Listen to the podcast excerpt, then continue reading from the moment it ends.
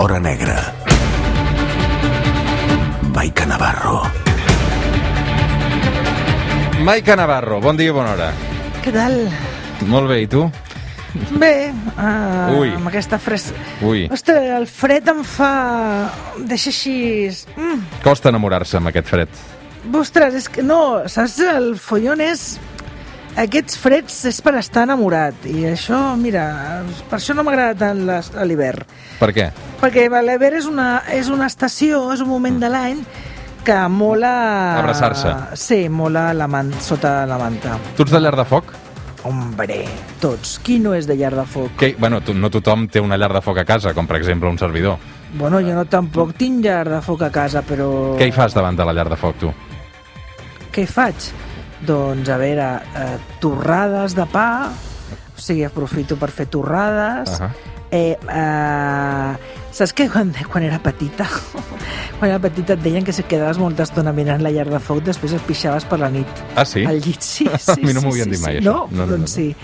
Eh, no sé, pues, escolta'm, és que ara tampoc m'apretis per aquí, perquè clar, tu estàs molt ben casat i jo no, i per tant jugues amb desavantatge. No, però jo el que no Agafa't tinc- jo- jo el que no tinc bueno, és- Doncs no. posta, llogues un cap de... Que cap de setmana no, doncs entre setmana te llogues un... Ara, ara que s'ha de fer país i s'ha de potenciar els establiments hostelers de- d'aquí de, del país, doncs escolta'm, Mm. Una habitació amb llar de una foc. habitació amb llar de foc i tires la manta a terra i tu... Festa. Mm. Festa. Festa? Ah, però vigila, vigila perquè clar, de vegades hi ha trons que peten i fan espurnes Sí, i s'ha de tenir cuidado i sobretot vegades- abans d'anar a dormir perquè tot això és molt bucòlic i talla les pel·lis però s'ha d'anar en compte Sí que s'ha de vigilar. A vegades les espurnes... fum, les espurnes Les espurnes no només surten del foc, eh, a vegades.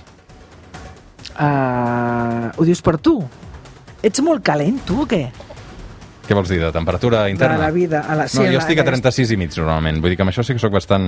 saps? ets fred, no? Sí, tens dir, tota la és pinta Temperatura, sí, sí, fred, tens fred. tota la pinta de ser fred, fred i... i Com un glaçó. Sí, exacte, Ah. exacte. Com un glaçó, exacte, sí, sí. Aquesta és una bona definició. A vegades, no, no, segons com- No, De vegades, és segons dir, com, Maica, Em és costa mi- imaginar-te eh, amb determinades situacions així... Quotidianes. Sí, bueno, quotidianes era per tu, per mi cada cop és més excepcional. Tira, va. Això és l'Hora Negra amb la Maica Navarro. I avui amb la Maica Navarro ens traslladem fins al poble de Sabinyànigo. Osca, juliol del 2017. Fa una mica més de 3 anys. 6 de juliol, concretament, un veí d'aquest poble truca al 061 a urgències mèdiques. Què diu? Què havia passat, Maica? Doncs havia trucat assegurant que la seva neboda política, la Nayara, que en aquell moment tenia només 8 anyets, doncs havia caigut per les escales de, de l'edifici, que s'havia fet un cop molt, molt fora al cap i que la nena no respirava, que la nena estava molt, molt, molt greu i que, si plau havien de venir urgentment. I, de fet, a la, quan va arribar la primera ambulància, es van adonar que, que la nena estava en un estat tan, tan greu que la van, que la van fer una evacuació en helicòpter fins a l'Hospital Miguel Servet de, de Saragossa després d'aquestes primeres...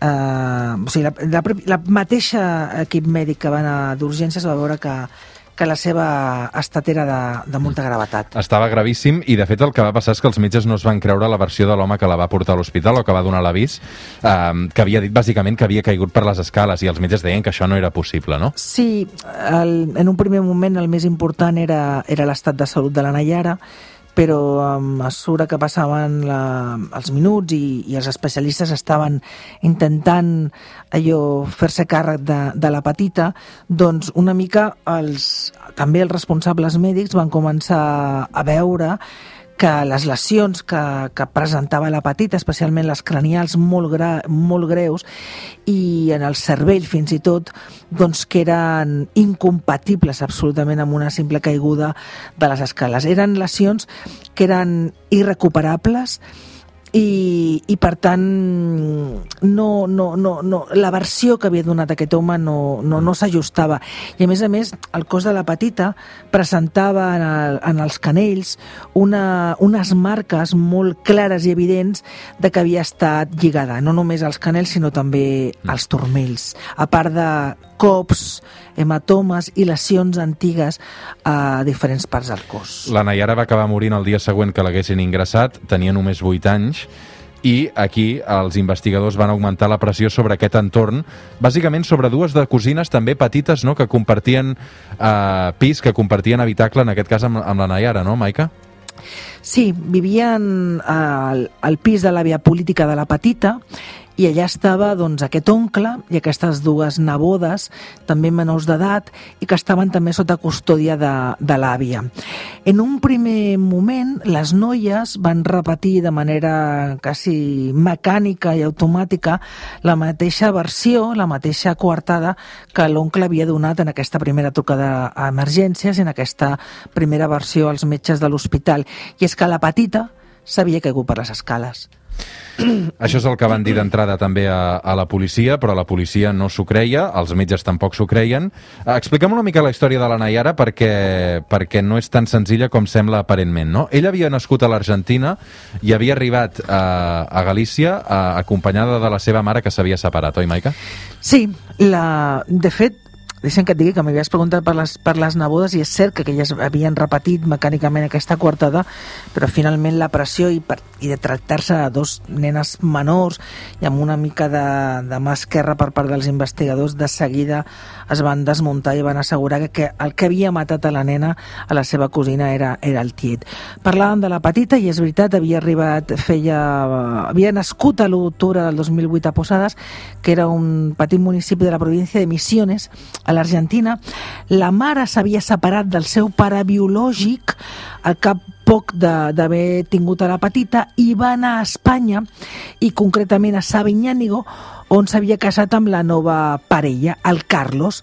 Uh, a part de la, de la Nayara, uh, el, el Carlos, amb el Carlos, havien tingut dues filles més. Per tant, el, el Carlos tenia, doncs allò, la, la parella tenia tres nenes. Maica, com va rebre la família del Carlos, la Nayara i la seva mare?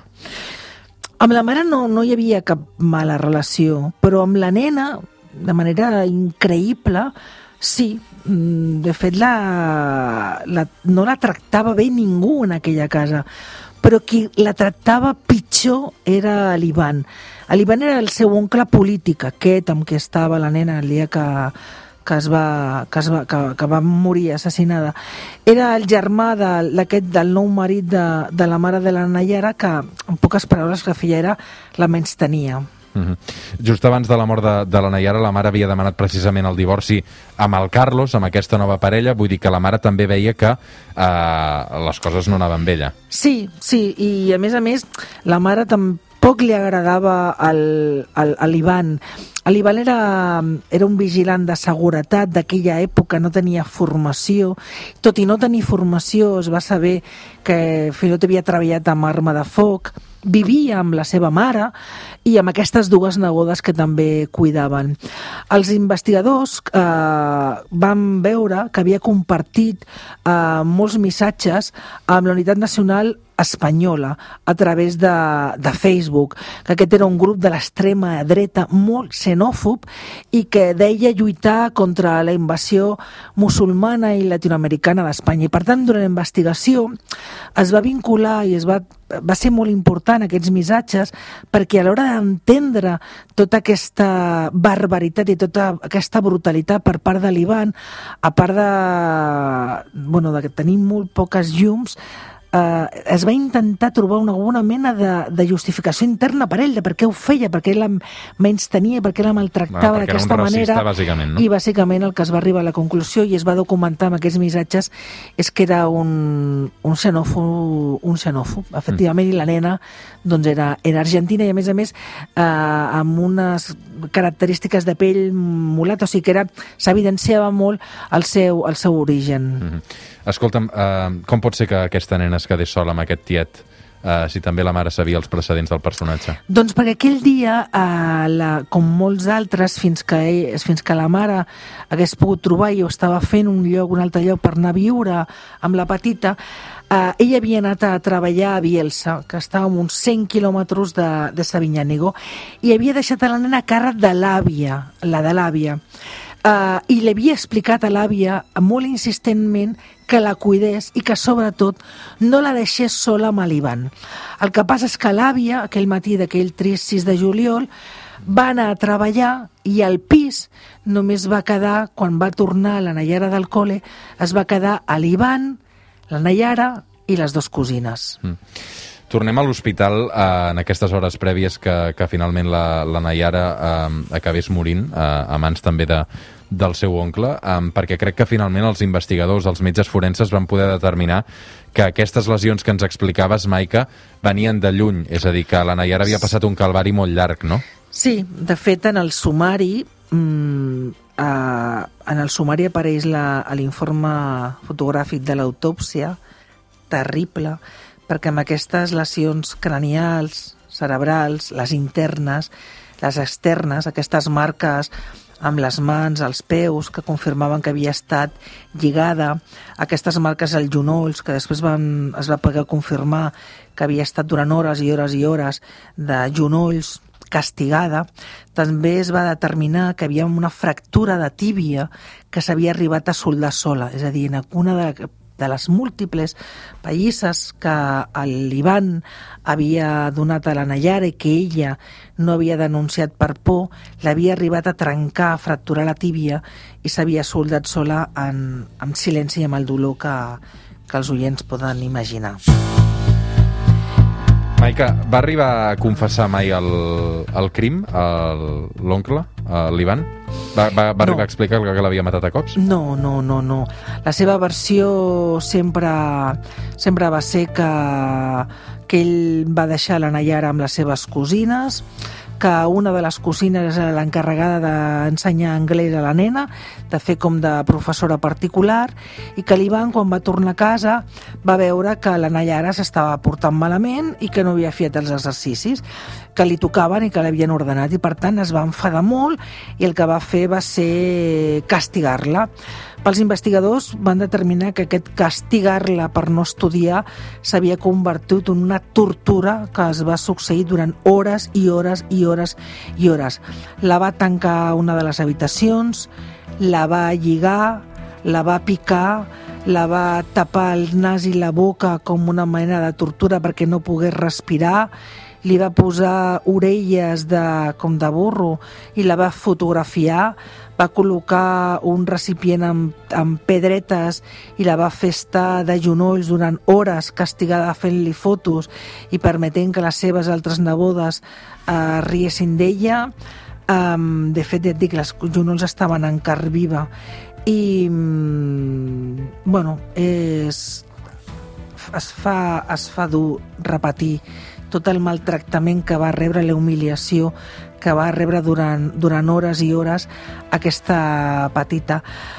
El, el judici va ser, mm, va ser recentment, va ser unes, van ser unes sessions duríssimes que ja t'asseguro que els periodistes que van estar a la sala i els que vam seguir el cas de via telemàtica en alguns moments va ser molt complicat seguir el relat dels investigadors el tiet es va pastallar com si no hagués passat res, que, que amb el cap eh, ensorrat a terra, amb un aspecte exterior molt brut. De fet, eh, s'assegura que la cel·la ha estat recriminat diverses vegades per la direcció de la presó on està perquè, bueno, doncs, perquè no es vol no manté mínimament neta la cel·la com és la seva obligació ni tampoc manté una higiene personal com també està obligat.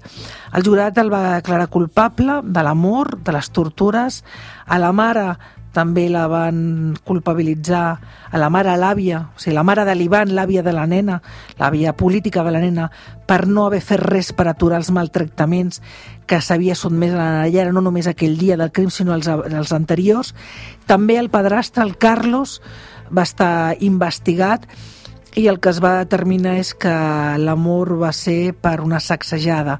O sigui, va haver un moment que va, la va intentar enfonsar i com no respirava doncs va, la va sacsejar fins a llançar-la contra el terra en diferents vegades fins que bueno, va, va produir una primera mort cerebral que és quan fa aquesta trucada i intenta i obliga sota amenaces a les seves nebodes a assegurar que ha caigut per les, per les escales, però evidentment doncs, allò era incompatible i el més trist de tot és com ningú durant tots aquests mesos de l'entorn de la petita és que col·le, la, la sentència, de la família... La sentència també acusa d'alguna manera la mare de no haver fet res per aturar aquests maltractaments. No? La mare, l'àvia, el mm. col·legi, res. O sigui, això, pare, això és encobriment de maltractaments infantils, no es diu? O sigui, és el que diu la sentència, no? De fet, l'advocat de la, l'advocat, el García Montes, ha presentat un recurs contra la sentència perquè demana que el cas es revisi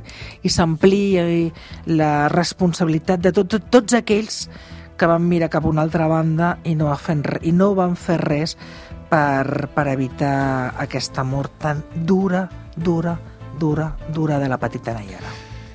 Maica Navarro, déu nhi avui, uh, quin cas que ens has portat. Uh, moltes gràcies, uh, molta sort i descansa també en aquest dissabte. Una abraçada. Vinga, fins la setmana que ve. Fem una pausa i ara tornem.